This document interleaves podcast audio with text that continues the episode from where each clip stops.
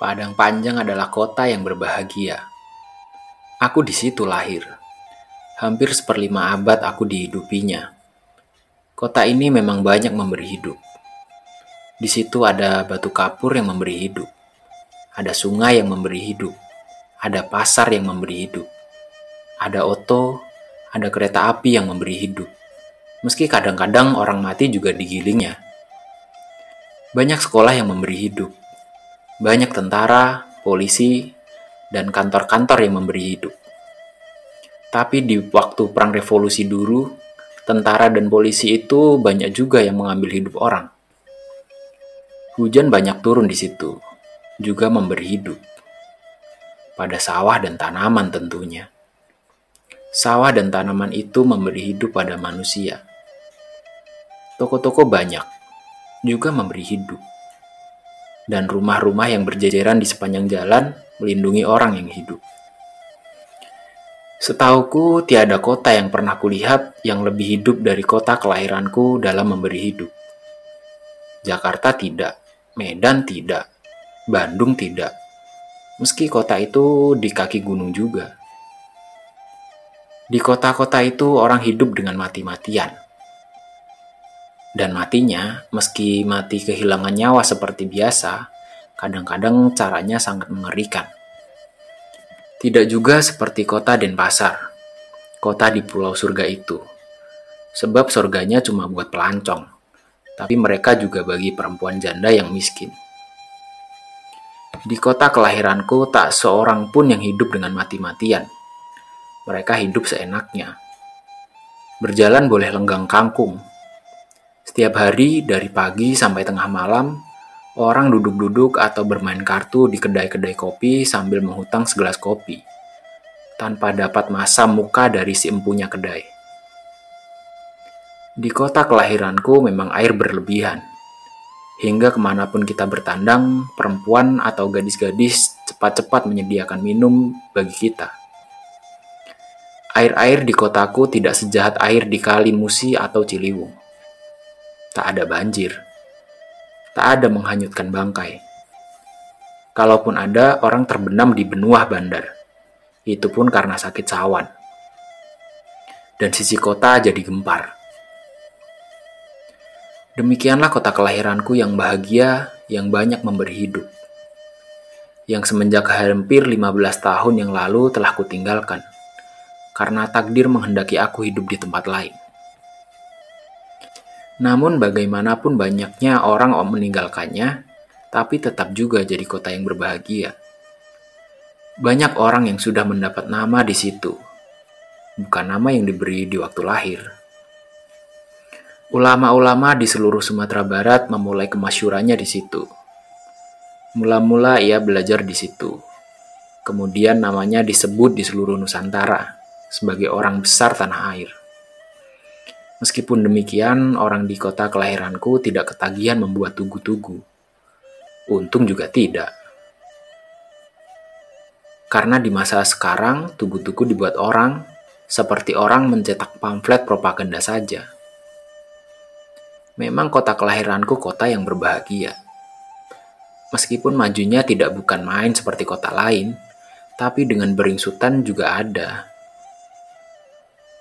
terutama pada saat terakhir ini, telah bertambah lagi orang dari luar negeri. Orang dari luar negeri ini orang-orang Indonesia juga. Kelahiran kota kelahiranku. Mereka belajar setahun dua di luar negeri. Dan kini mereka telah berpulang. Memang dulunya orang dari luar negeri sudah banyak juga di kota kelahiranku itu. Tapi kebanyakan mereka itu karena jadi anak kapal atau petualang yang kecewa hidup, lalu pergi ke Malaya. Kadang-kadang petualangannya sampai ke Mekah, pulang membawa sorban. Tentu saja mereka itu tidak banyak memberi kesan apa-apa untuk kota kelahiranku. Sebab memangnya mereka tidak untuk mendapat apa-apa pergi ke luar negeri itu. Ada memang beberapa orang yang pergi ke luar negeri untuk belajar. Ketika pulang telah hafal ayat-ayat dan hadis-hadis Lalu mereka jadi pemimpin ulung di seluruh Nusantara. Tapi semenjak pemimpin ulung tidak dicetak di luar negeri lagi, semenjak partai-partai di Jakarta telah mampu mencetaknya, maka orang luar negeri menimbulkan harapan lain. Harapan yang ditimbulkan oleh kehendak akan ilmu yang praktis bagi hidup yang serba baru. Demikianlah terhadap orang luar negeri yang baru pulang.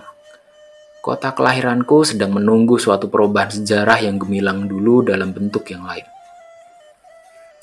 Apakah harapan itu akan terkabul dengan kepulangan mereka? Aku hanya dapat mendengar cerita dari saudara sepupuku. Ia ini orang istimewa dalam tabiat dan wataknya.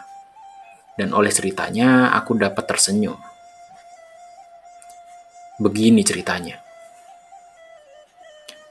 Kau kenal sama si Bahrum? Tidak. Si Bahrum anak Mak Jaya yang berlepau di simpang stasiun itu. Ia kan sudah pergi ke Eropa ia dapat tunjangan belajar, lima tahun. Semenjak ia pergi, meskipun ia sudah jauh, tapi dalam semua percakapan dan angan-angan kami, ia selalu kami bawa serta. Kami ikut merasa bangga dia ada di Eropa. Tentu saja bukan? Karena ia sahabat kami, kawan selapik seketiduran. Lebih-lebih di masa darurat dulu. Dan kalau salah seorang di antara kami menerima suratnya, berhari-hari lamanya surat itu dikantongi. Ke mana kami pergi, surat itu kami bawa. Seolah jimat keramat saja. Kepada setiap orang akan selalulah surat itu diperagakan. Orang-orang jadi kagum pada kami. Atau orang-orang jadi iri pada kami. Karena kami punya kawan orang luar negeri dan ini sangat menyenangkan hati kami. Sekali rasa bangga kami meluncur juga, seperti meluncurnya salju di puncak gunung ketika musim panas tiba. Kami tak bisa berlagak-lagak karena punya sahabat orang luar negeri. Seperti halnya salju yang mencair menjadi air, kini tergenanglah di rawa-rawa. Demikian pula lah kami. Hingga kami tak berani memperagakan surat-surat Bahrum yang datang. Matahari yang datang mencairkan salju di puncak gunung kebanggaan kami itu ialah seorang yang baru kembali dari luar negeri. Ia setahun di Amerika, dan ia tidaklah sahabat kami, tapi ia orang kota kelahiran kami juga. Gagahnya bukan main, bajunya wol semua. Berdasi kupu-kupu yang saban hari bertukar saja ragamnya. Bertopi dan bermantel tebal, dan di bahunya tersandung tali kamera kecil. Langkahnya satu-satu, dan setiap melangkah satu anggukan kepala. Jika mengingat betapa gantengnya, wah kami jadi seperti anak ayam yang mencericit di kerampang induknya bila ada elang di udara. Dan bila ia lewat dekat kami sedang berkelompok, lenyaplah segala tawa besar kami dan kepala kami jadi tertunduk tanpa disengaja, seperti ada malaikat maut lewat di dekat kami. Tapi mata kami mengikutinya dengan menyudut serta iringan hati yang mengiri. Setiap sore, setiap pagi, di mana orang-orang ramai, ia akan lewat pada sewaktu-waktu yang tertentu. Ayahnya mengirimkan di belakangnya. Bila ayahnya bertemu dengan setiap orang, Selalu ia menegur dengan tersenyum sambil memperkenalkan anaknya. Ini anakku dari luar negeri, dari Amerika. Kemudian ia pergi meninggalkan mulut orang yang meluap. Dan yang menyakitkan hati kami benar, kekasih-kekasih kami ikut-ikut pula mempercakapkan orang Amerika itu bila setiap mulut mereka bisa terbuka. Segala pujian bukan untuk Tuhan lagi, tapi untuk orang Amerika itu. Dan itu berarti setiap celaan, setiap kehengaan hanya tertentu buat kami. Kami yang dari tahun ke tahun sepanjang umur kami hanya tahu berbegar di sekitar dapur ibu saja. Ketika terdengar sudah bahwa orang Amerika itu mau cari bini, kawan-kawan yang punya kekasih cantik jadi cemas dan segala gadis-gadis asik berbedak dan bergincu. Dan dengan pakaian serba baru, mereka jadi rajin keluar rumah. Kurang ajarnya, jika mereka bertemu dengan kami, mereka tidak mau lagi omongan dengan kami, apalagi berjalan berduaan. Meskipun berjalan itu cuma kebetulan seiring jalan, kami tahu maksudnya. Tentu saja supaya jangan disangka orang Amerika itu bahwa dia sudah berpunya. Dan kalau orang Amerika itu lewat di hadapan rumahnya, beramai-ramai mereka ke depan. Kadang-kadang juga sampai ke gerbang rumahnya. Lalu dengan semanis tengguli, mereka menegur, "Mampir dulu." Memang merapung benar hidup kami seketika itu seperti ikan-ikan yang kolamnya dituba dengan kapur saja. Dan ia pun tak pandai lagi berbahasa awak. Ia berbicara dalam bahasa Indonesia saja. Meskipun kepada orang-orang tua di kampung, kadang-kadang bercampur aduk dengan bahasa Inggris. Hey, you, come on. Atau sekali-kali kami dengar, Oke okay, boy. Kepada orang tua-tua pun sering ia bilang, Oke okay, boy. Astaga, bukan main dia itu laganya. Pada suatu hari terbitlah matahari lain, hingga orang Amerika yang telah jadi salju di puncak gunung tertinggi itu lalu cair pula, meleleh seperti nanah keluar dari telinga di dalam pandangan kami. Matahari itu seorang dari luar negeri pula. Ia dari Eropa. Dua tahun ia di situ, jadi lebih lama. Kau tentu kira ia akan lebih ganteng, bukan? Ya, ia lebih ganteng. Selain semua peragat apa yang pernah dibawa oleh orang Amerika itu pulang, ia pun membawa skuter. Lambretta mereknya. Mengikuti jejak orang Amerika yang selalu diiringi ayahnya, maka skuter itu meraung-raung setiap petang dan pagi. Suaranya mengatasi segala kekaguman orang terhadap si Amerika selama ini. Lain daripada dasi dan topi dan mantel, ia juga pakai sarung tangan. Sarung tangan putih. Bila ia bersalaman dengan gadis-gadis, barulah sarung, sarung tangannya itu dilepas. Tentu ini maksudnya mau merabai kelembutan tangan gadis, kukira. Tapi kemudian ia katakan itu etiket. Tentu kau kira sekarang, Pongahnya dua kali lipat, bukan? Tidak. Hatinya rendah bukan main. Hingga terjela-jela dan kadang-kadang rasa-rasa dapat dipijak saja. Ia jadi sahabat kami. Ia suka datang ke kedai di mana kami biasanya menghabiskan hari. Dan ia omong-omong dengan kami. Banyak sekali omongannya Sebaiknya matanya tertutup saja hendaknya. Kalau ia sudah melihat sesuatu seperti kebiasaan orang kita, lalu ia bilang, "Tidak seperti di Eropa." Ia lihat jalan becek, lalu ia bilang, "Tidak seperti di Eropa." Banyak lalar, dia bilang, "Tidak seperti di Eropa." Berebut-rebut orang naik kereta api atau beli karcis di bioskop, ia bilang, "Tidak seperti di Eropa." Dilihatnya anak-anak telanjang dalam hujan, dia bilang tidak seperti di Eropa. Semua-muanya dibandingkan dengan Eropa saja. Dan cerita itu membuat kami ingin pula ke Eropa. Tahu kau bagaimana ceritanya? Katanya ia sudah pergi ke Skandinavia. Katanya gadis-gadis di situ dapat dipeluk saja bila mau. Dan sambil berbisik dia bilang, Tahu kalian, di negeri itu tidak ada gadis yang perawan. Eh, jadinya kalau begitu gadis di sini saja yang dilahirkan punya perawan? Tanya kami keheranan. Oh, bukan begitu maksudku. Perawannya dengan mudah mereka berikan. Katanya dengan sungguh-sungguh. Bagaimana kau tahu? Kami ingin tahu. Sudah kau coba? Lah, tanya kami lagi ketika ia hanya ketawa menjawab pertanyaan kami. Sekali lagi ia ketawa, tapi pertanyaan kami tinggal pertanyaan saja. Sebab kemudian ia bilang tentang gadis-gadis di negeri Belanda. Betapa pula di Paris, lain lagi di Eropa.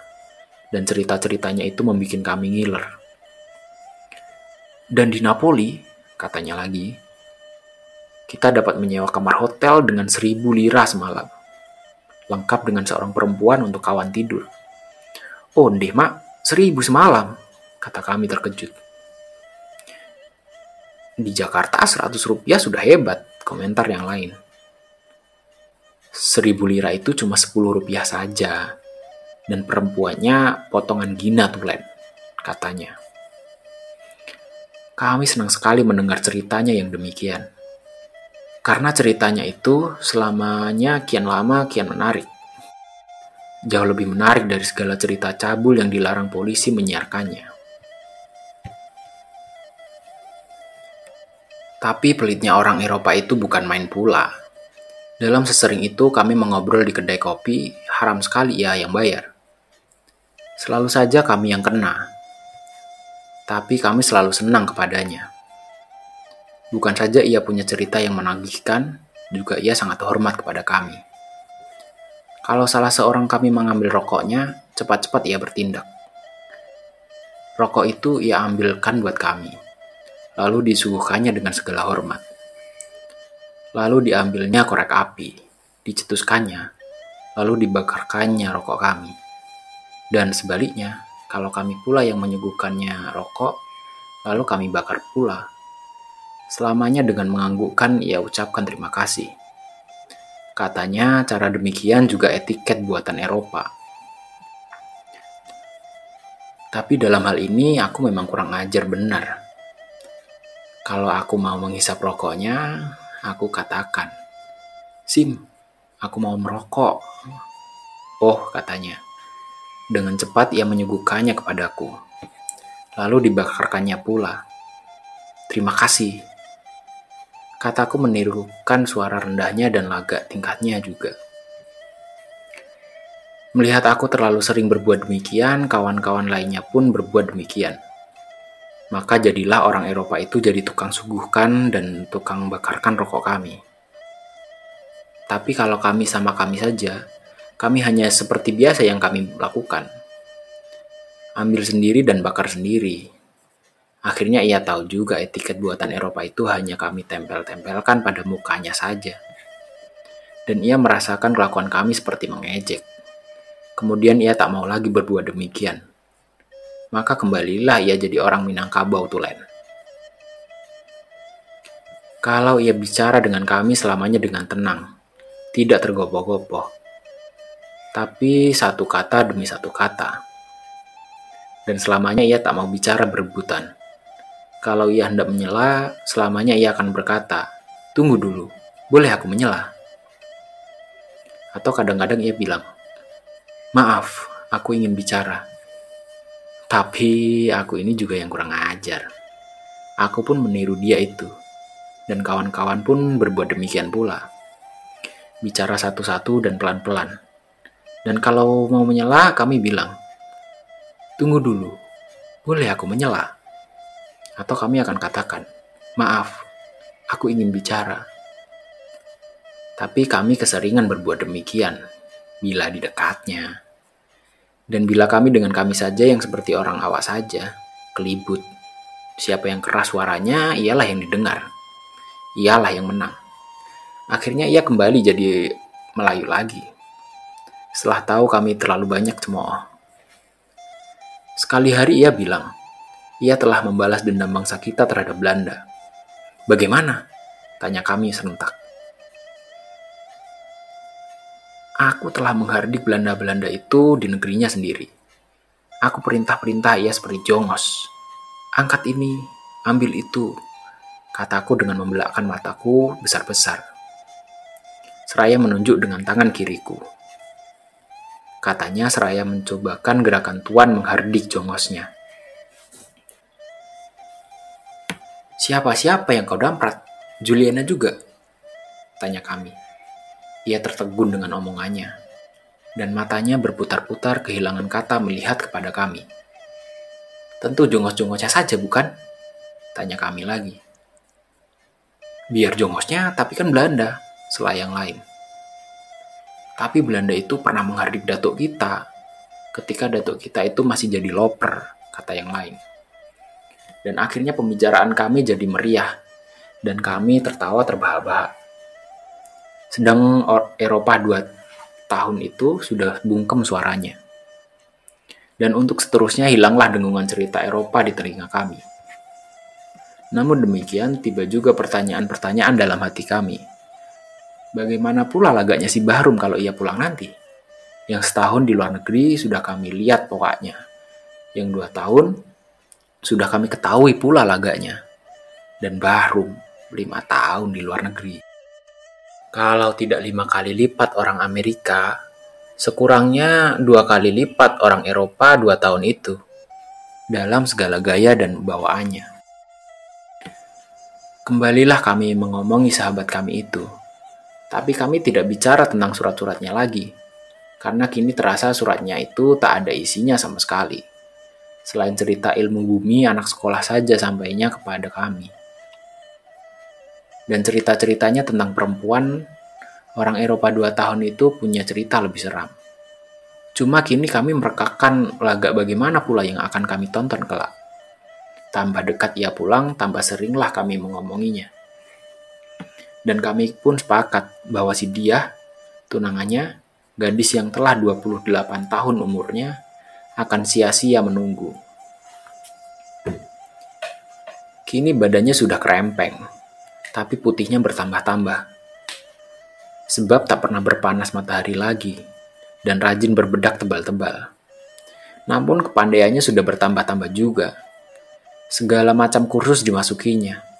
Dari menjahit, menambal, menyulam, sampai pada menghias bunga dan muka dan kepandaiannya memasak konon kabarnya sejak dari barat melalui India terus ke timur jauh. Maksudnya tentu mau menempatkan dirinya sebagai bidadari si Bahrum.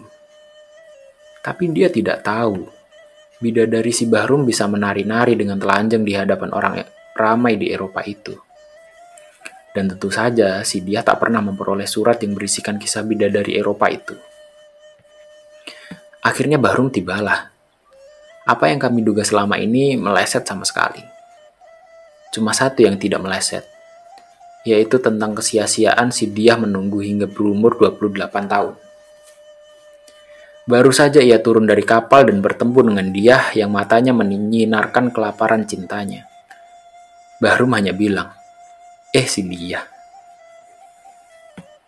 Ketika si Bahrum itu pulang, sama saja keadaannya dengan ketika ia pergi dulu. Memang ia punya pakaian wool juga, tapi woolnya wool kasar. Kaos kakinya usang, sama usangnya dengan sepatunya. Dan hatinya seperti hati si Bahrum dulu. Meski ada kelainannya, itu pun dalam pembawaan bicaranya saja. Ada juga etiket buatan Eropa yang ia bawa. Selain etiket-etiket itu, ia juga bawa skuter. Juga sebuah piano dan radio pick up dan sebuah tape recorder. Sebuah mesin tulis dan kamera tak ketinggalan.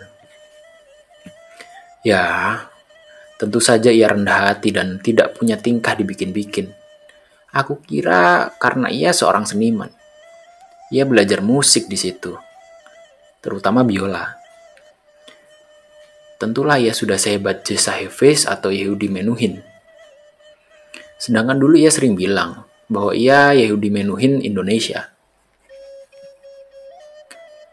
Tentu saja kami ingin benar mendengar betapa seronoknya gesekan biolanya. Betapa pula jari kirinya menari-nari di atas tali. Apa sudah seperti lidah ular yang kehausan cepatnya. Dan biolanya hebat benar. Dari kayu yang sudah 300 tahun usianya. Maka sekali hari ketika orang tidak ramai lagi mengunjunginya, kami datang. Kami datang bukanlah hendak mendengar cerita luar negerinya lagi. Sebab cerita luar negeri itu sama saja dengan cerita siapa pun. Keinginan kami hanyalah hendak mendengar gesekan biolanya. Rum, coba mainkan ah. Kata kami. Rindu benar kami mendengar mainmu. Ia hanya tersenyum. Barulah ketika kami berulang mendesaknya, ia pergi ke kamarnya. Kami kira tentu ia mengambil biola, dan hati kami bukan main senangnya. Tapi ketika ia keluar, ia hanya menjinjing tape recorder. Dan ketika tape recorder itu berbunyi, kedengaranlah suara biola dengan iringan piano. Maka ia mendengarnya dengan sungguh-sungguh. Bunyinya nget-ngot, nget-ngot saja. Dan kami tidak mengerti. Dan kami tidak merasakan keindahannya. Kau yang main itu? Tanya kami. Yang main piano itu kau juga ya? Tanya yang lain. Kemudian katanya, masa bisa orang main biola sekaligus dengan piano? Les Paul konon kabarnya ia bisa main gitar, ia main Hawaiian pula, dan ia pula main bass. Istrinya menyanyi dan dalam empat suara. Kenapa ia bisa, kau tidak? Kata kami. Yang main piano itu seorang nona. Katanya menyahuti tanya kami. Tunangannya ya? Kami bertanya dengan nakal-nakalan. Dan ia mengerdipkan matanya sebelah. Kemudian ia ceritakan segala rencananya dengan segala alat-alat yang ia bawa. Aku mau menyelidiki lagu-lagu daerah kita. Lagu-lagu rakyat di daerah kita. Tidaklah kalah indah dengan lagu rakyat Eropa, katanya. Kemudian ia berbicara panjang sekali tentang rencananya yang sudah lama diperamnya di luar negeri. Ia juga menceritakan bagaimana lagu-lagu orang Janggi di Spanyol, bagaimana polka-polka di Eropa Timur, lalu musik orang negro yang telah menyusup ke seluruh jiwa pemuda di seluruh dunia. Kami mengangguk saja mendengarnya seraya dengan mulut yang ternganga. Piano yang kubawa itu untuk menyusun kembali lagu-lagu yang telah kuselidiki. Tape recorder untuk menyalin lagu-lagu asli di kampung-kampung. Nah, kamera itu untuk foto dokumentasi mesin tik ya tentu saja untuk mentik hasil penyelidikan ilmiah tentang musik daerah.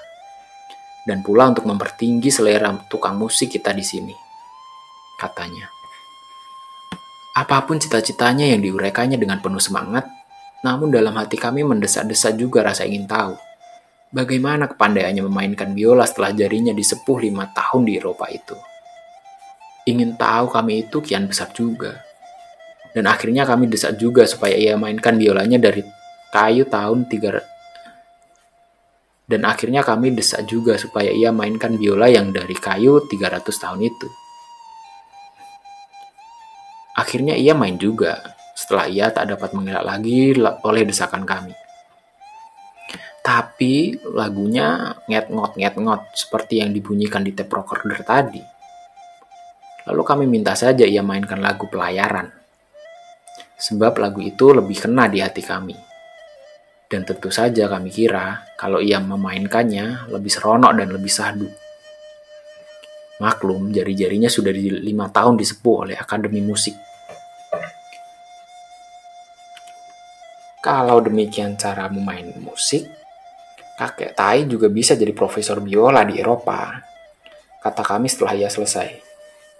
Sungguh kami heran benar Kenapa orang luar negeri jadi kaku mainnya lagu, memainkan lagu nenek moyangnya? Percuma saja ia sekolah lima tahun di Eropa. Lebih baik uang sekolahnya yang telah habis sebanyak itu digunakan pemerintah untuk memberantas kemiskinan. Dan mendengar komentar kami itu, rupanya tersinggung benar perasaannya. Hingga sampai sekarang tak pernah lagi kami mendengar gesekannya. Kemudian ia jarang bersua dengan kami, sebab katanya ia lagi sibuk. Tiap sebentar ia pergi ke kantor pemerintahan di Bukit Tinggi. Kami kira mulanya ia mau minta kerja. Dan kami jadi heran, kenapa seorang pemain biola minta kerja di kantor? Tapi rupanya ia sedang merencanakan pendirian sebuah, sebuah sekolah musik. Pemerintah sudah setuju dan meminta kepadanya untuk membuat rencananya. Siang malam ia bekerja membuat rencana itu, hingga badannya kelihatan jadi kurus dan pucat dan ketika rencananya selesai, diajukannya ke pemerintah. Ini rencananya, kata orang pemerintah itu. Mana anggaran belanja pegawainya? Mana anggaran pembangunan gedungnya? Bagaimana sekolah bisa berdiri kalau gedungnya tidak ada? Yang penting bukan gedungnya, tapi rencana sekolahnya, kata Bahrum. Ya sekolah itu kan gedung, kata orang pemerintah itu tak mau kalah. Rencana ini tidak laku. Dan semenjak itu, taklah lagi ia menyibukkan dirinya dengan kantor-kantor pemerintah itu. Dan mukanya selalu berkerut masam dan hatinya selalu meluapkan kebencian. Apalagi ketika orang-orang pemerintah selalu mengiriminya surat, supaya segera menjadi pegawai kantor pemerintah. Sebagai pemenuhan perjanjian ikatan dinasnya. Biarkan aku masuk penjara saja, katanya menggerutu. Lalu kepada kami ia katakan, kalau aku jual segala barang-barang yang aku bawa dulu, berapa harganya kira-kira? Piano dan pickup itu? Tanya kami heran dan penuh harap. Sebab kami pun ingin juga menolong menjualnya, karena mencatut adalah pekerjaan kami. Semuanya, katanya. Biola juga, tanya kami. Ya, biola juga, katanya tegas. Dan kami keheranan dan kini keheranan kami jadi bertambah. Lalu kami tanya ia lagi. Hendak jadi apa kau lagi? Aku mau beli tanah. Mau jadi petani. Itu lebih baik. Katanya. Bagaimana itu? Pikir kami. Sudah begitu lama belajar musik. Di Eropa pula. Kini mau jadi petani. Dan semenjak itu kami hanya mendengar keluhan dan kebenciannya yang meluap-luap kepada setiap orang. Serupa saja tabiatnya dengan orang Amerika itu, yang setiap hari mengeluh karena tak dapat berdangsa. Dan di Eropa dua tahun mengeluh juga, karena tak punya uang. Sudah mengeluh, mereka mencela. Habis mencela, mereka mengutuk. Kami tak mengerti sama sekali. Kenapa mereka jadi demikian? Padahal jika menurut pepatah orang-orang tua, kalau nak tahu disayang kampung, pergilah merantau. Tapi barangkali juga karena orang yang membuat pepatah itu yang salah. Karena merantaunya orang dahulu tidak sampai ke luar negeri. Akhirnya semua orang ke luar negeri itu pergi. Perginya lain dari perginya orang Belanda dan Jepang yang betul-betul orang luar negeri tulen. Mereka itu pergi dengan hati sedih karena meninggalkan Indonesia kita yang makmur dan sentosa. Sedang orang luar negeri buatan dalam negeri itu perginya karena benci dan mengutuki tanah tumpah darahnya. Apakah tidak aneh itu? Dan si Amerika setelah belajar ilmu pertanian di Amerika, kini ia bekerja di kantor. Menulis-nulis surat di kementerian. Dan di waktu ia pergi ke kementerian, sawah orang tuanya digadaikannya pula. Dan si Bahrum, yang belajar kesenian, lebih juga lebih suka jadi petani. Hanya si Hasim yang lain pendiriannya. Ia belajar ilmu grafika di Eropa. Dan kini ia bekerja di kebayoran mencetak uang. Meskipun percetakan orang tuanya dibiarkan saja diinjak dengan kaki baru jalan. Tapi itu bolehlah. Setelah ia pandai mencetak uang banyak-banyak, tentu ia tak akan mengeluh oleh sebab kekurangan uang lagi. Apakah tidak aneh orang luar negeri buatan dalam negeri itu menurut sang kamu?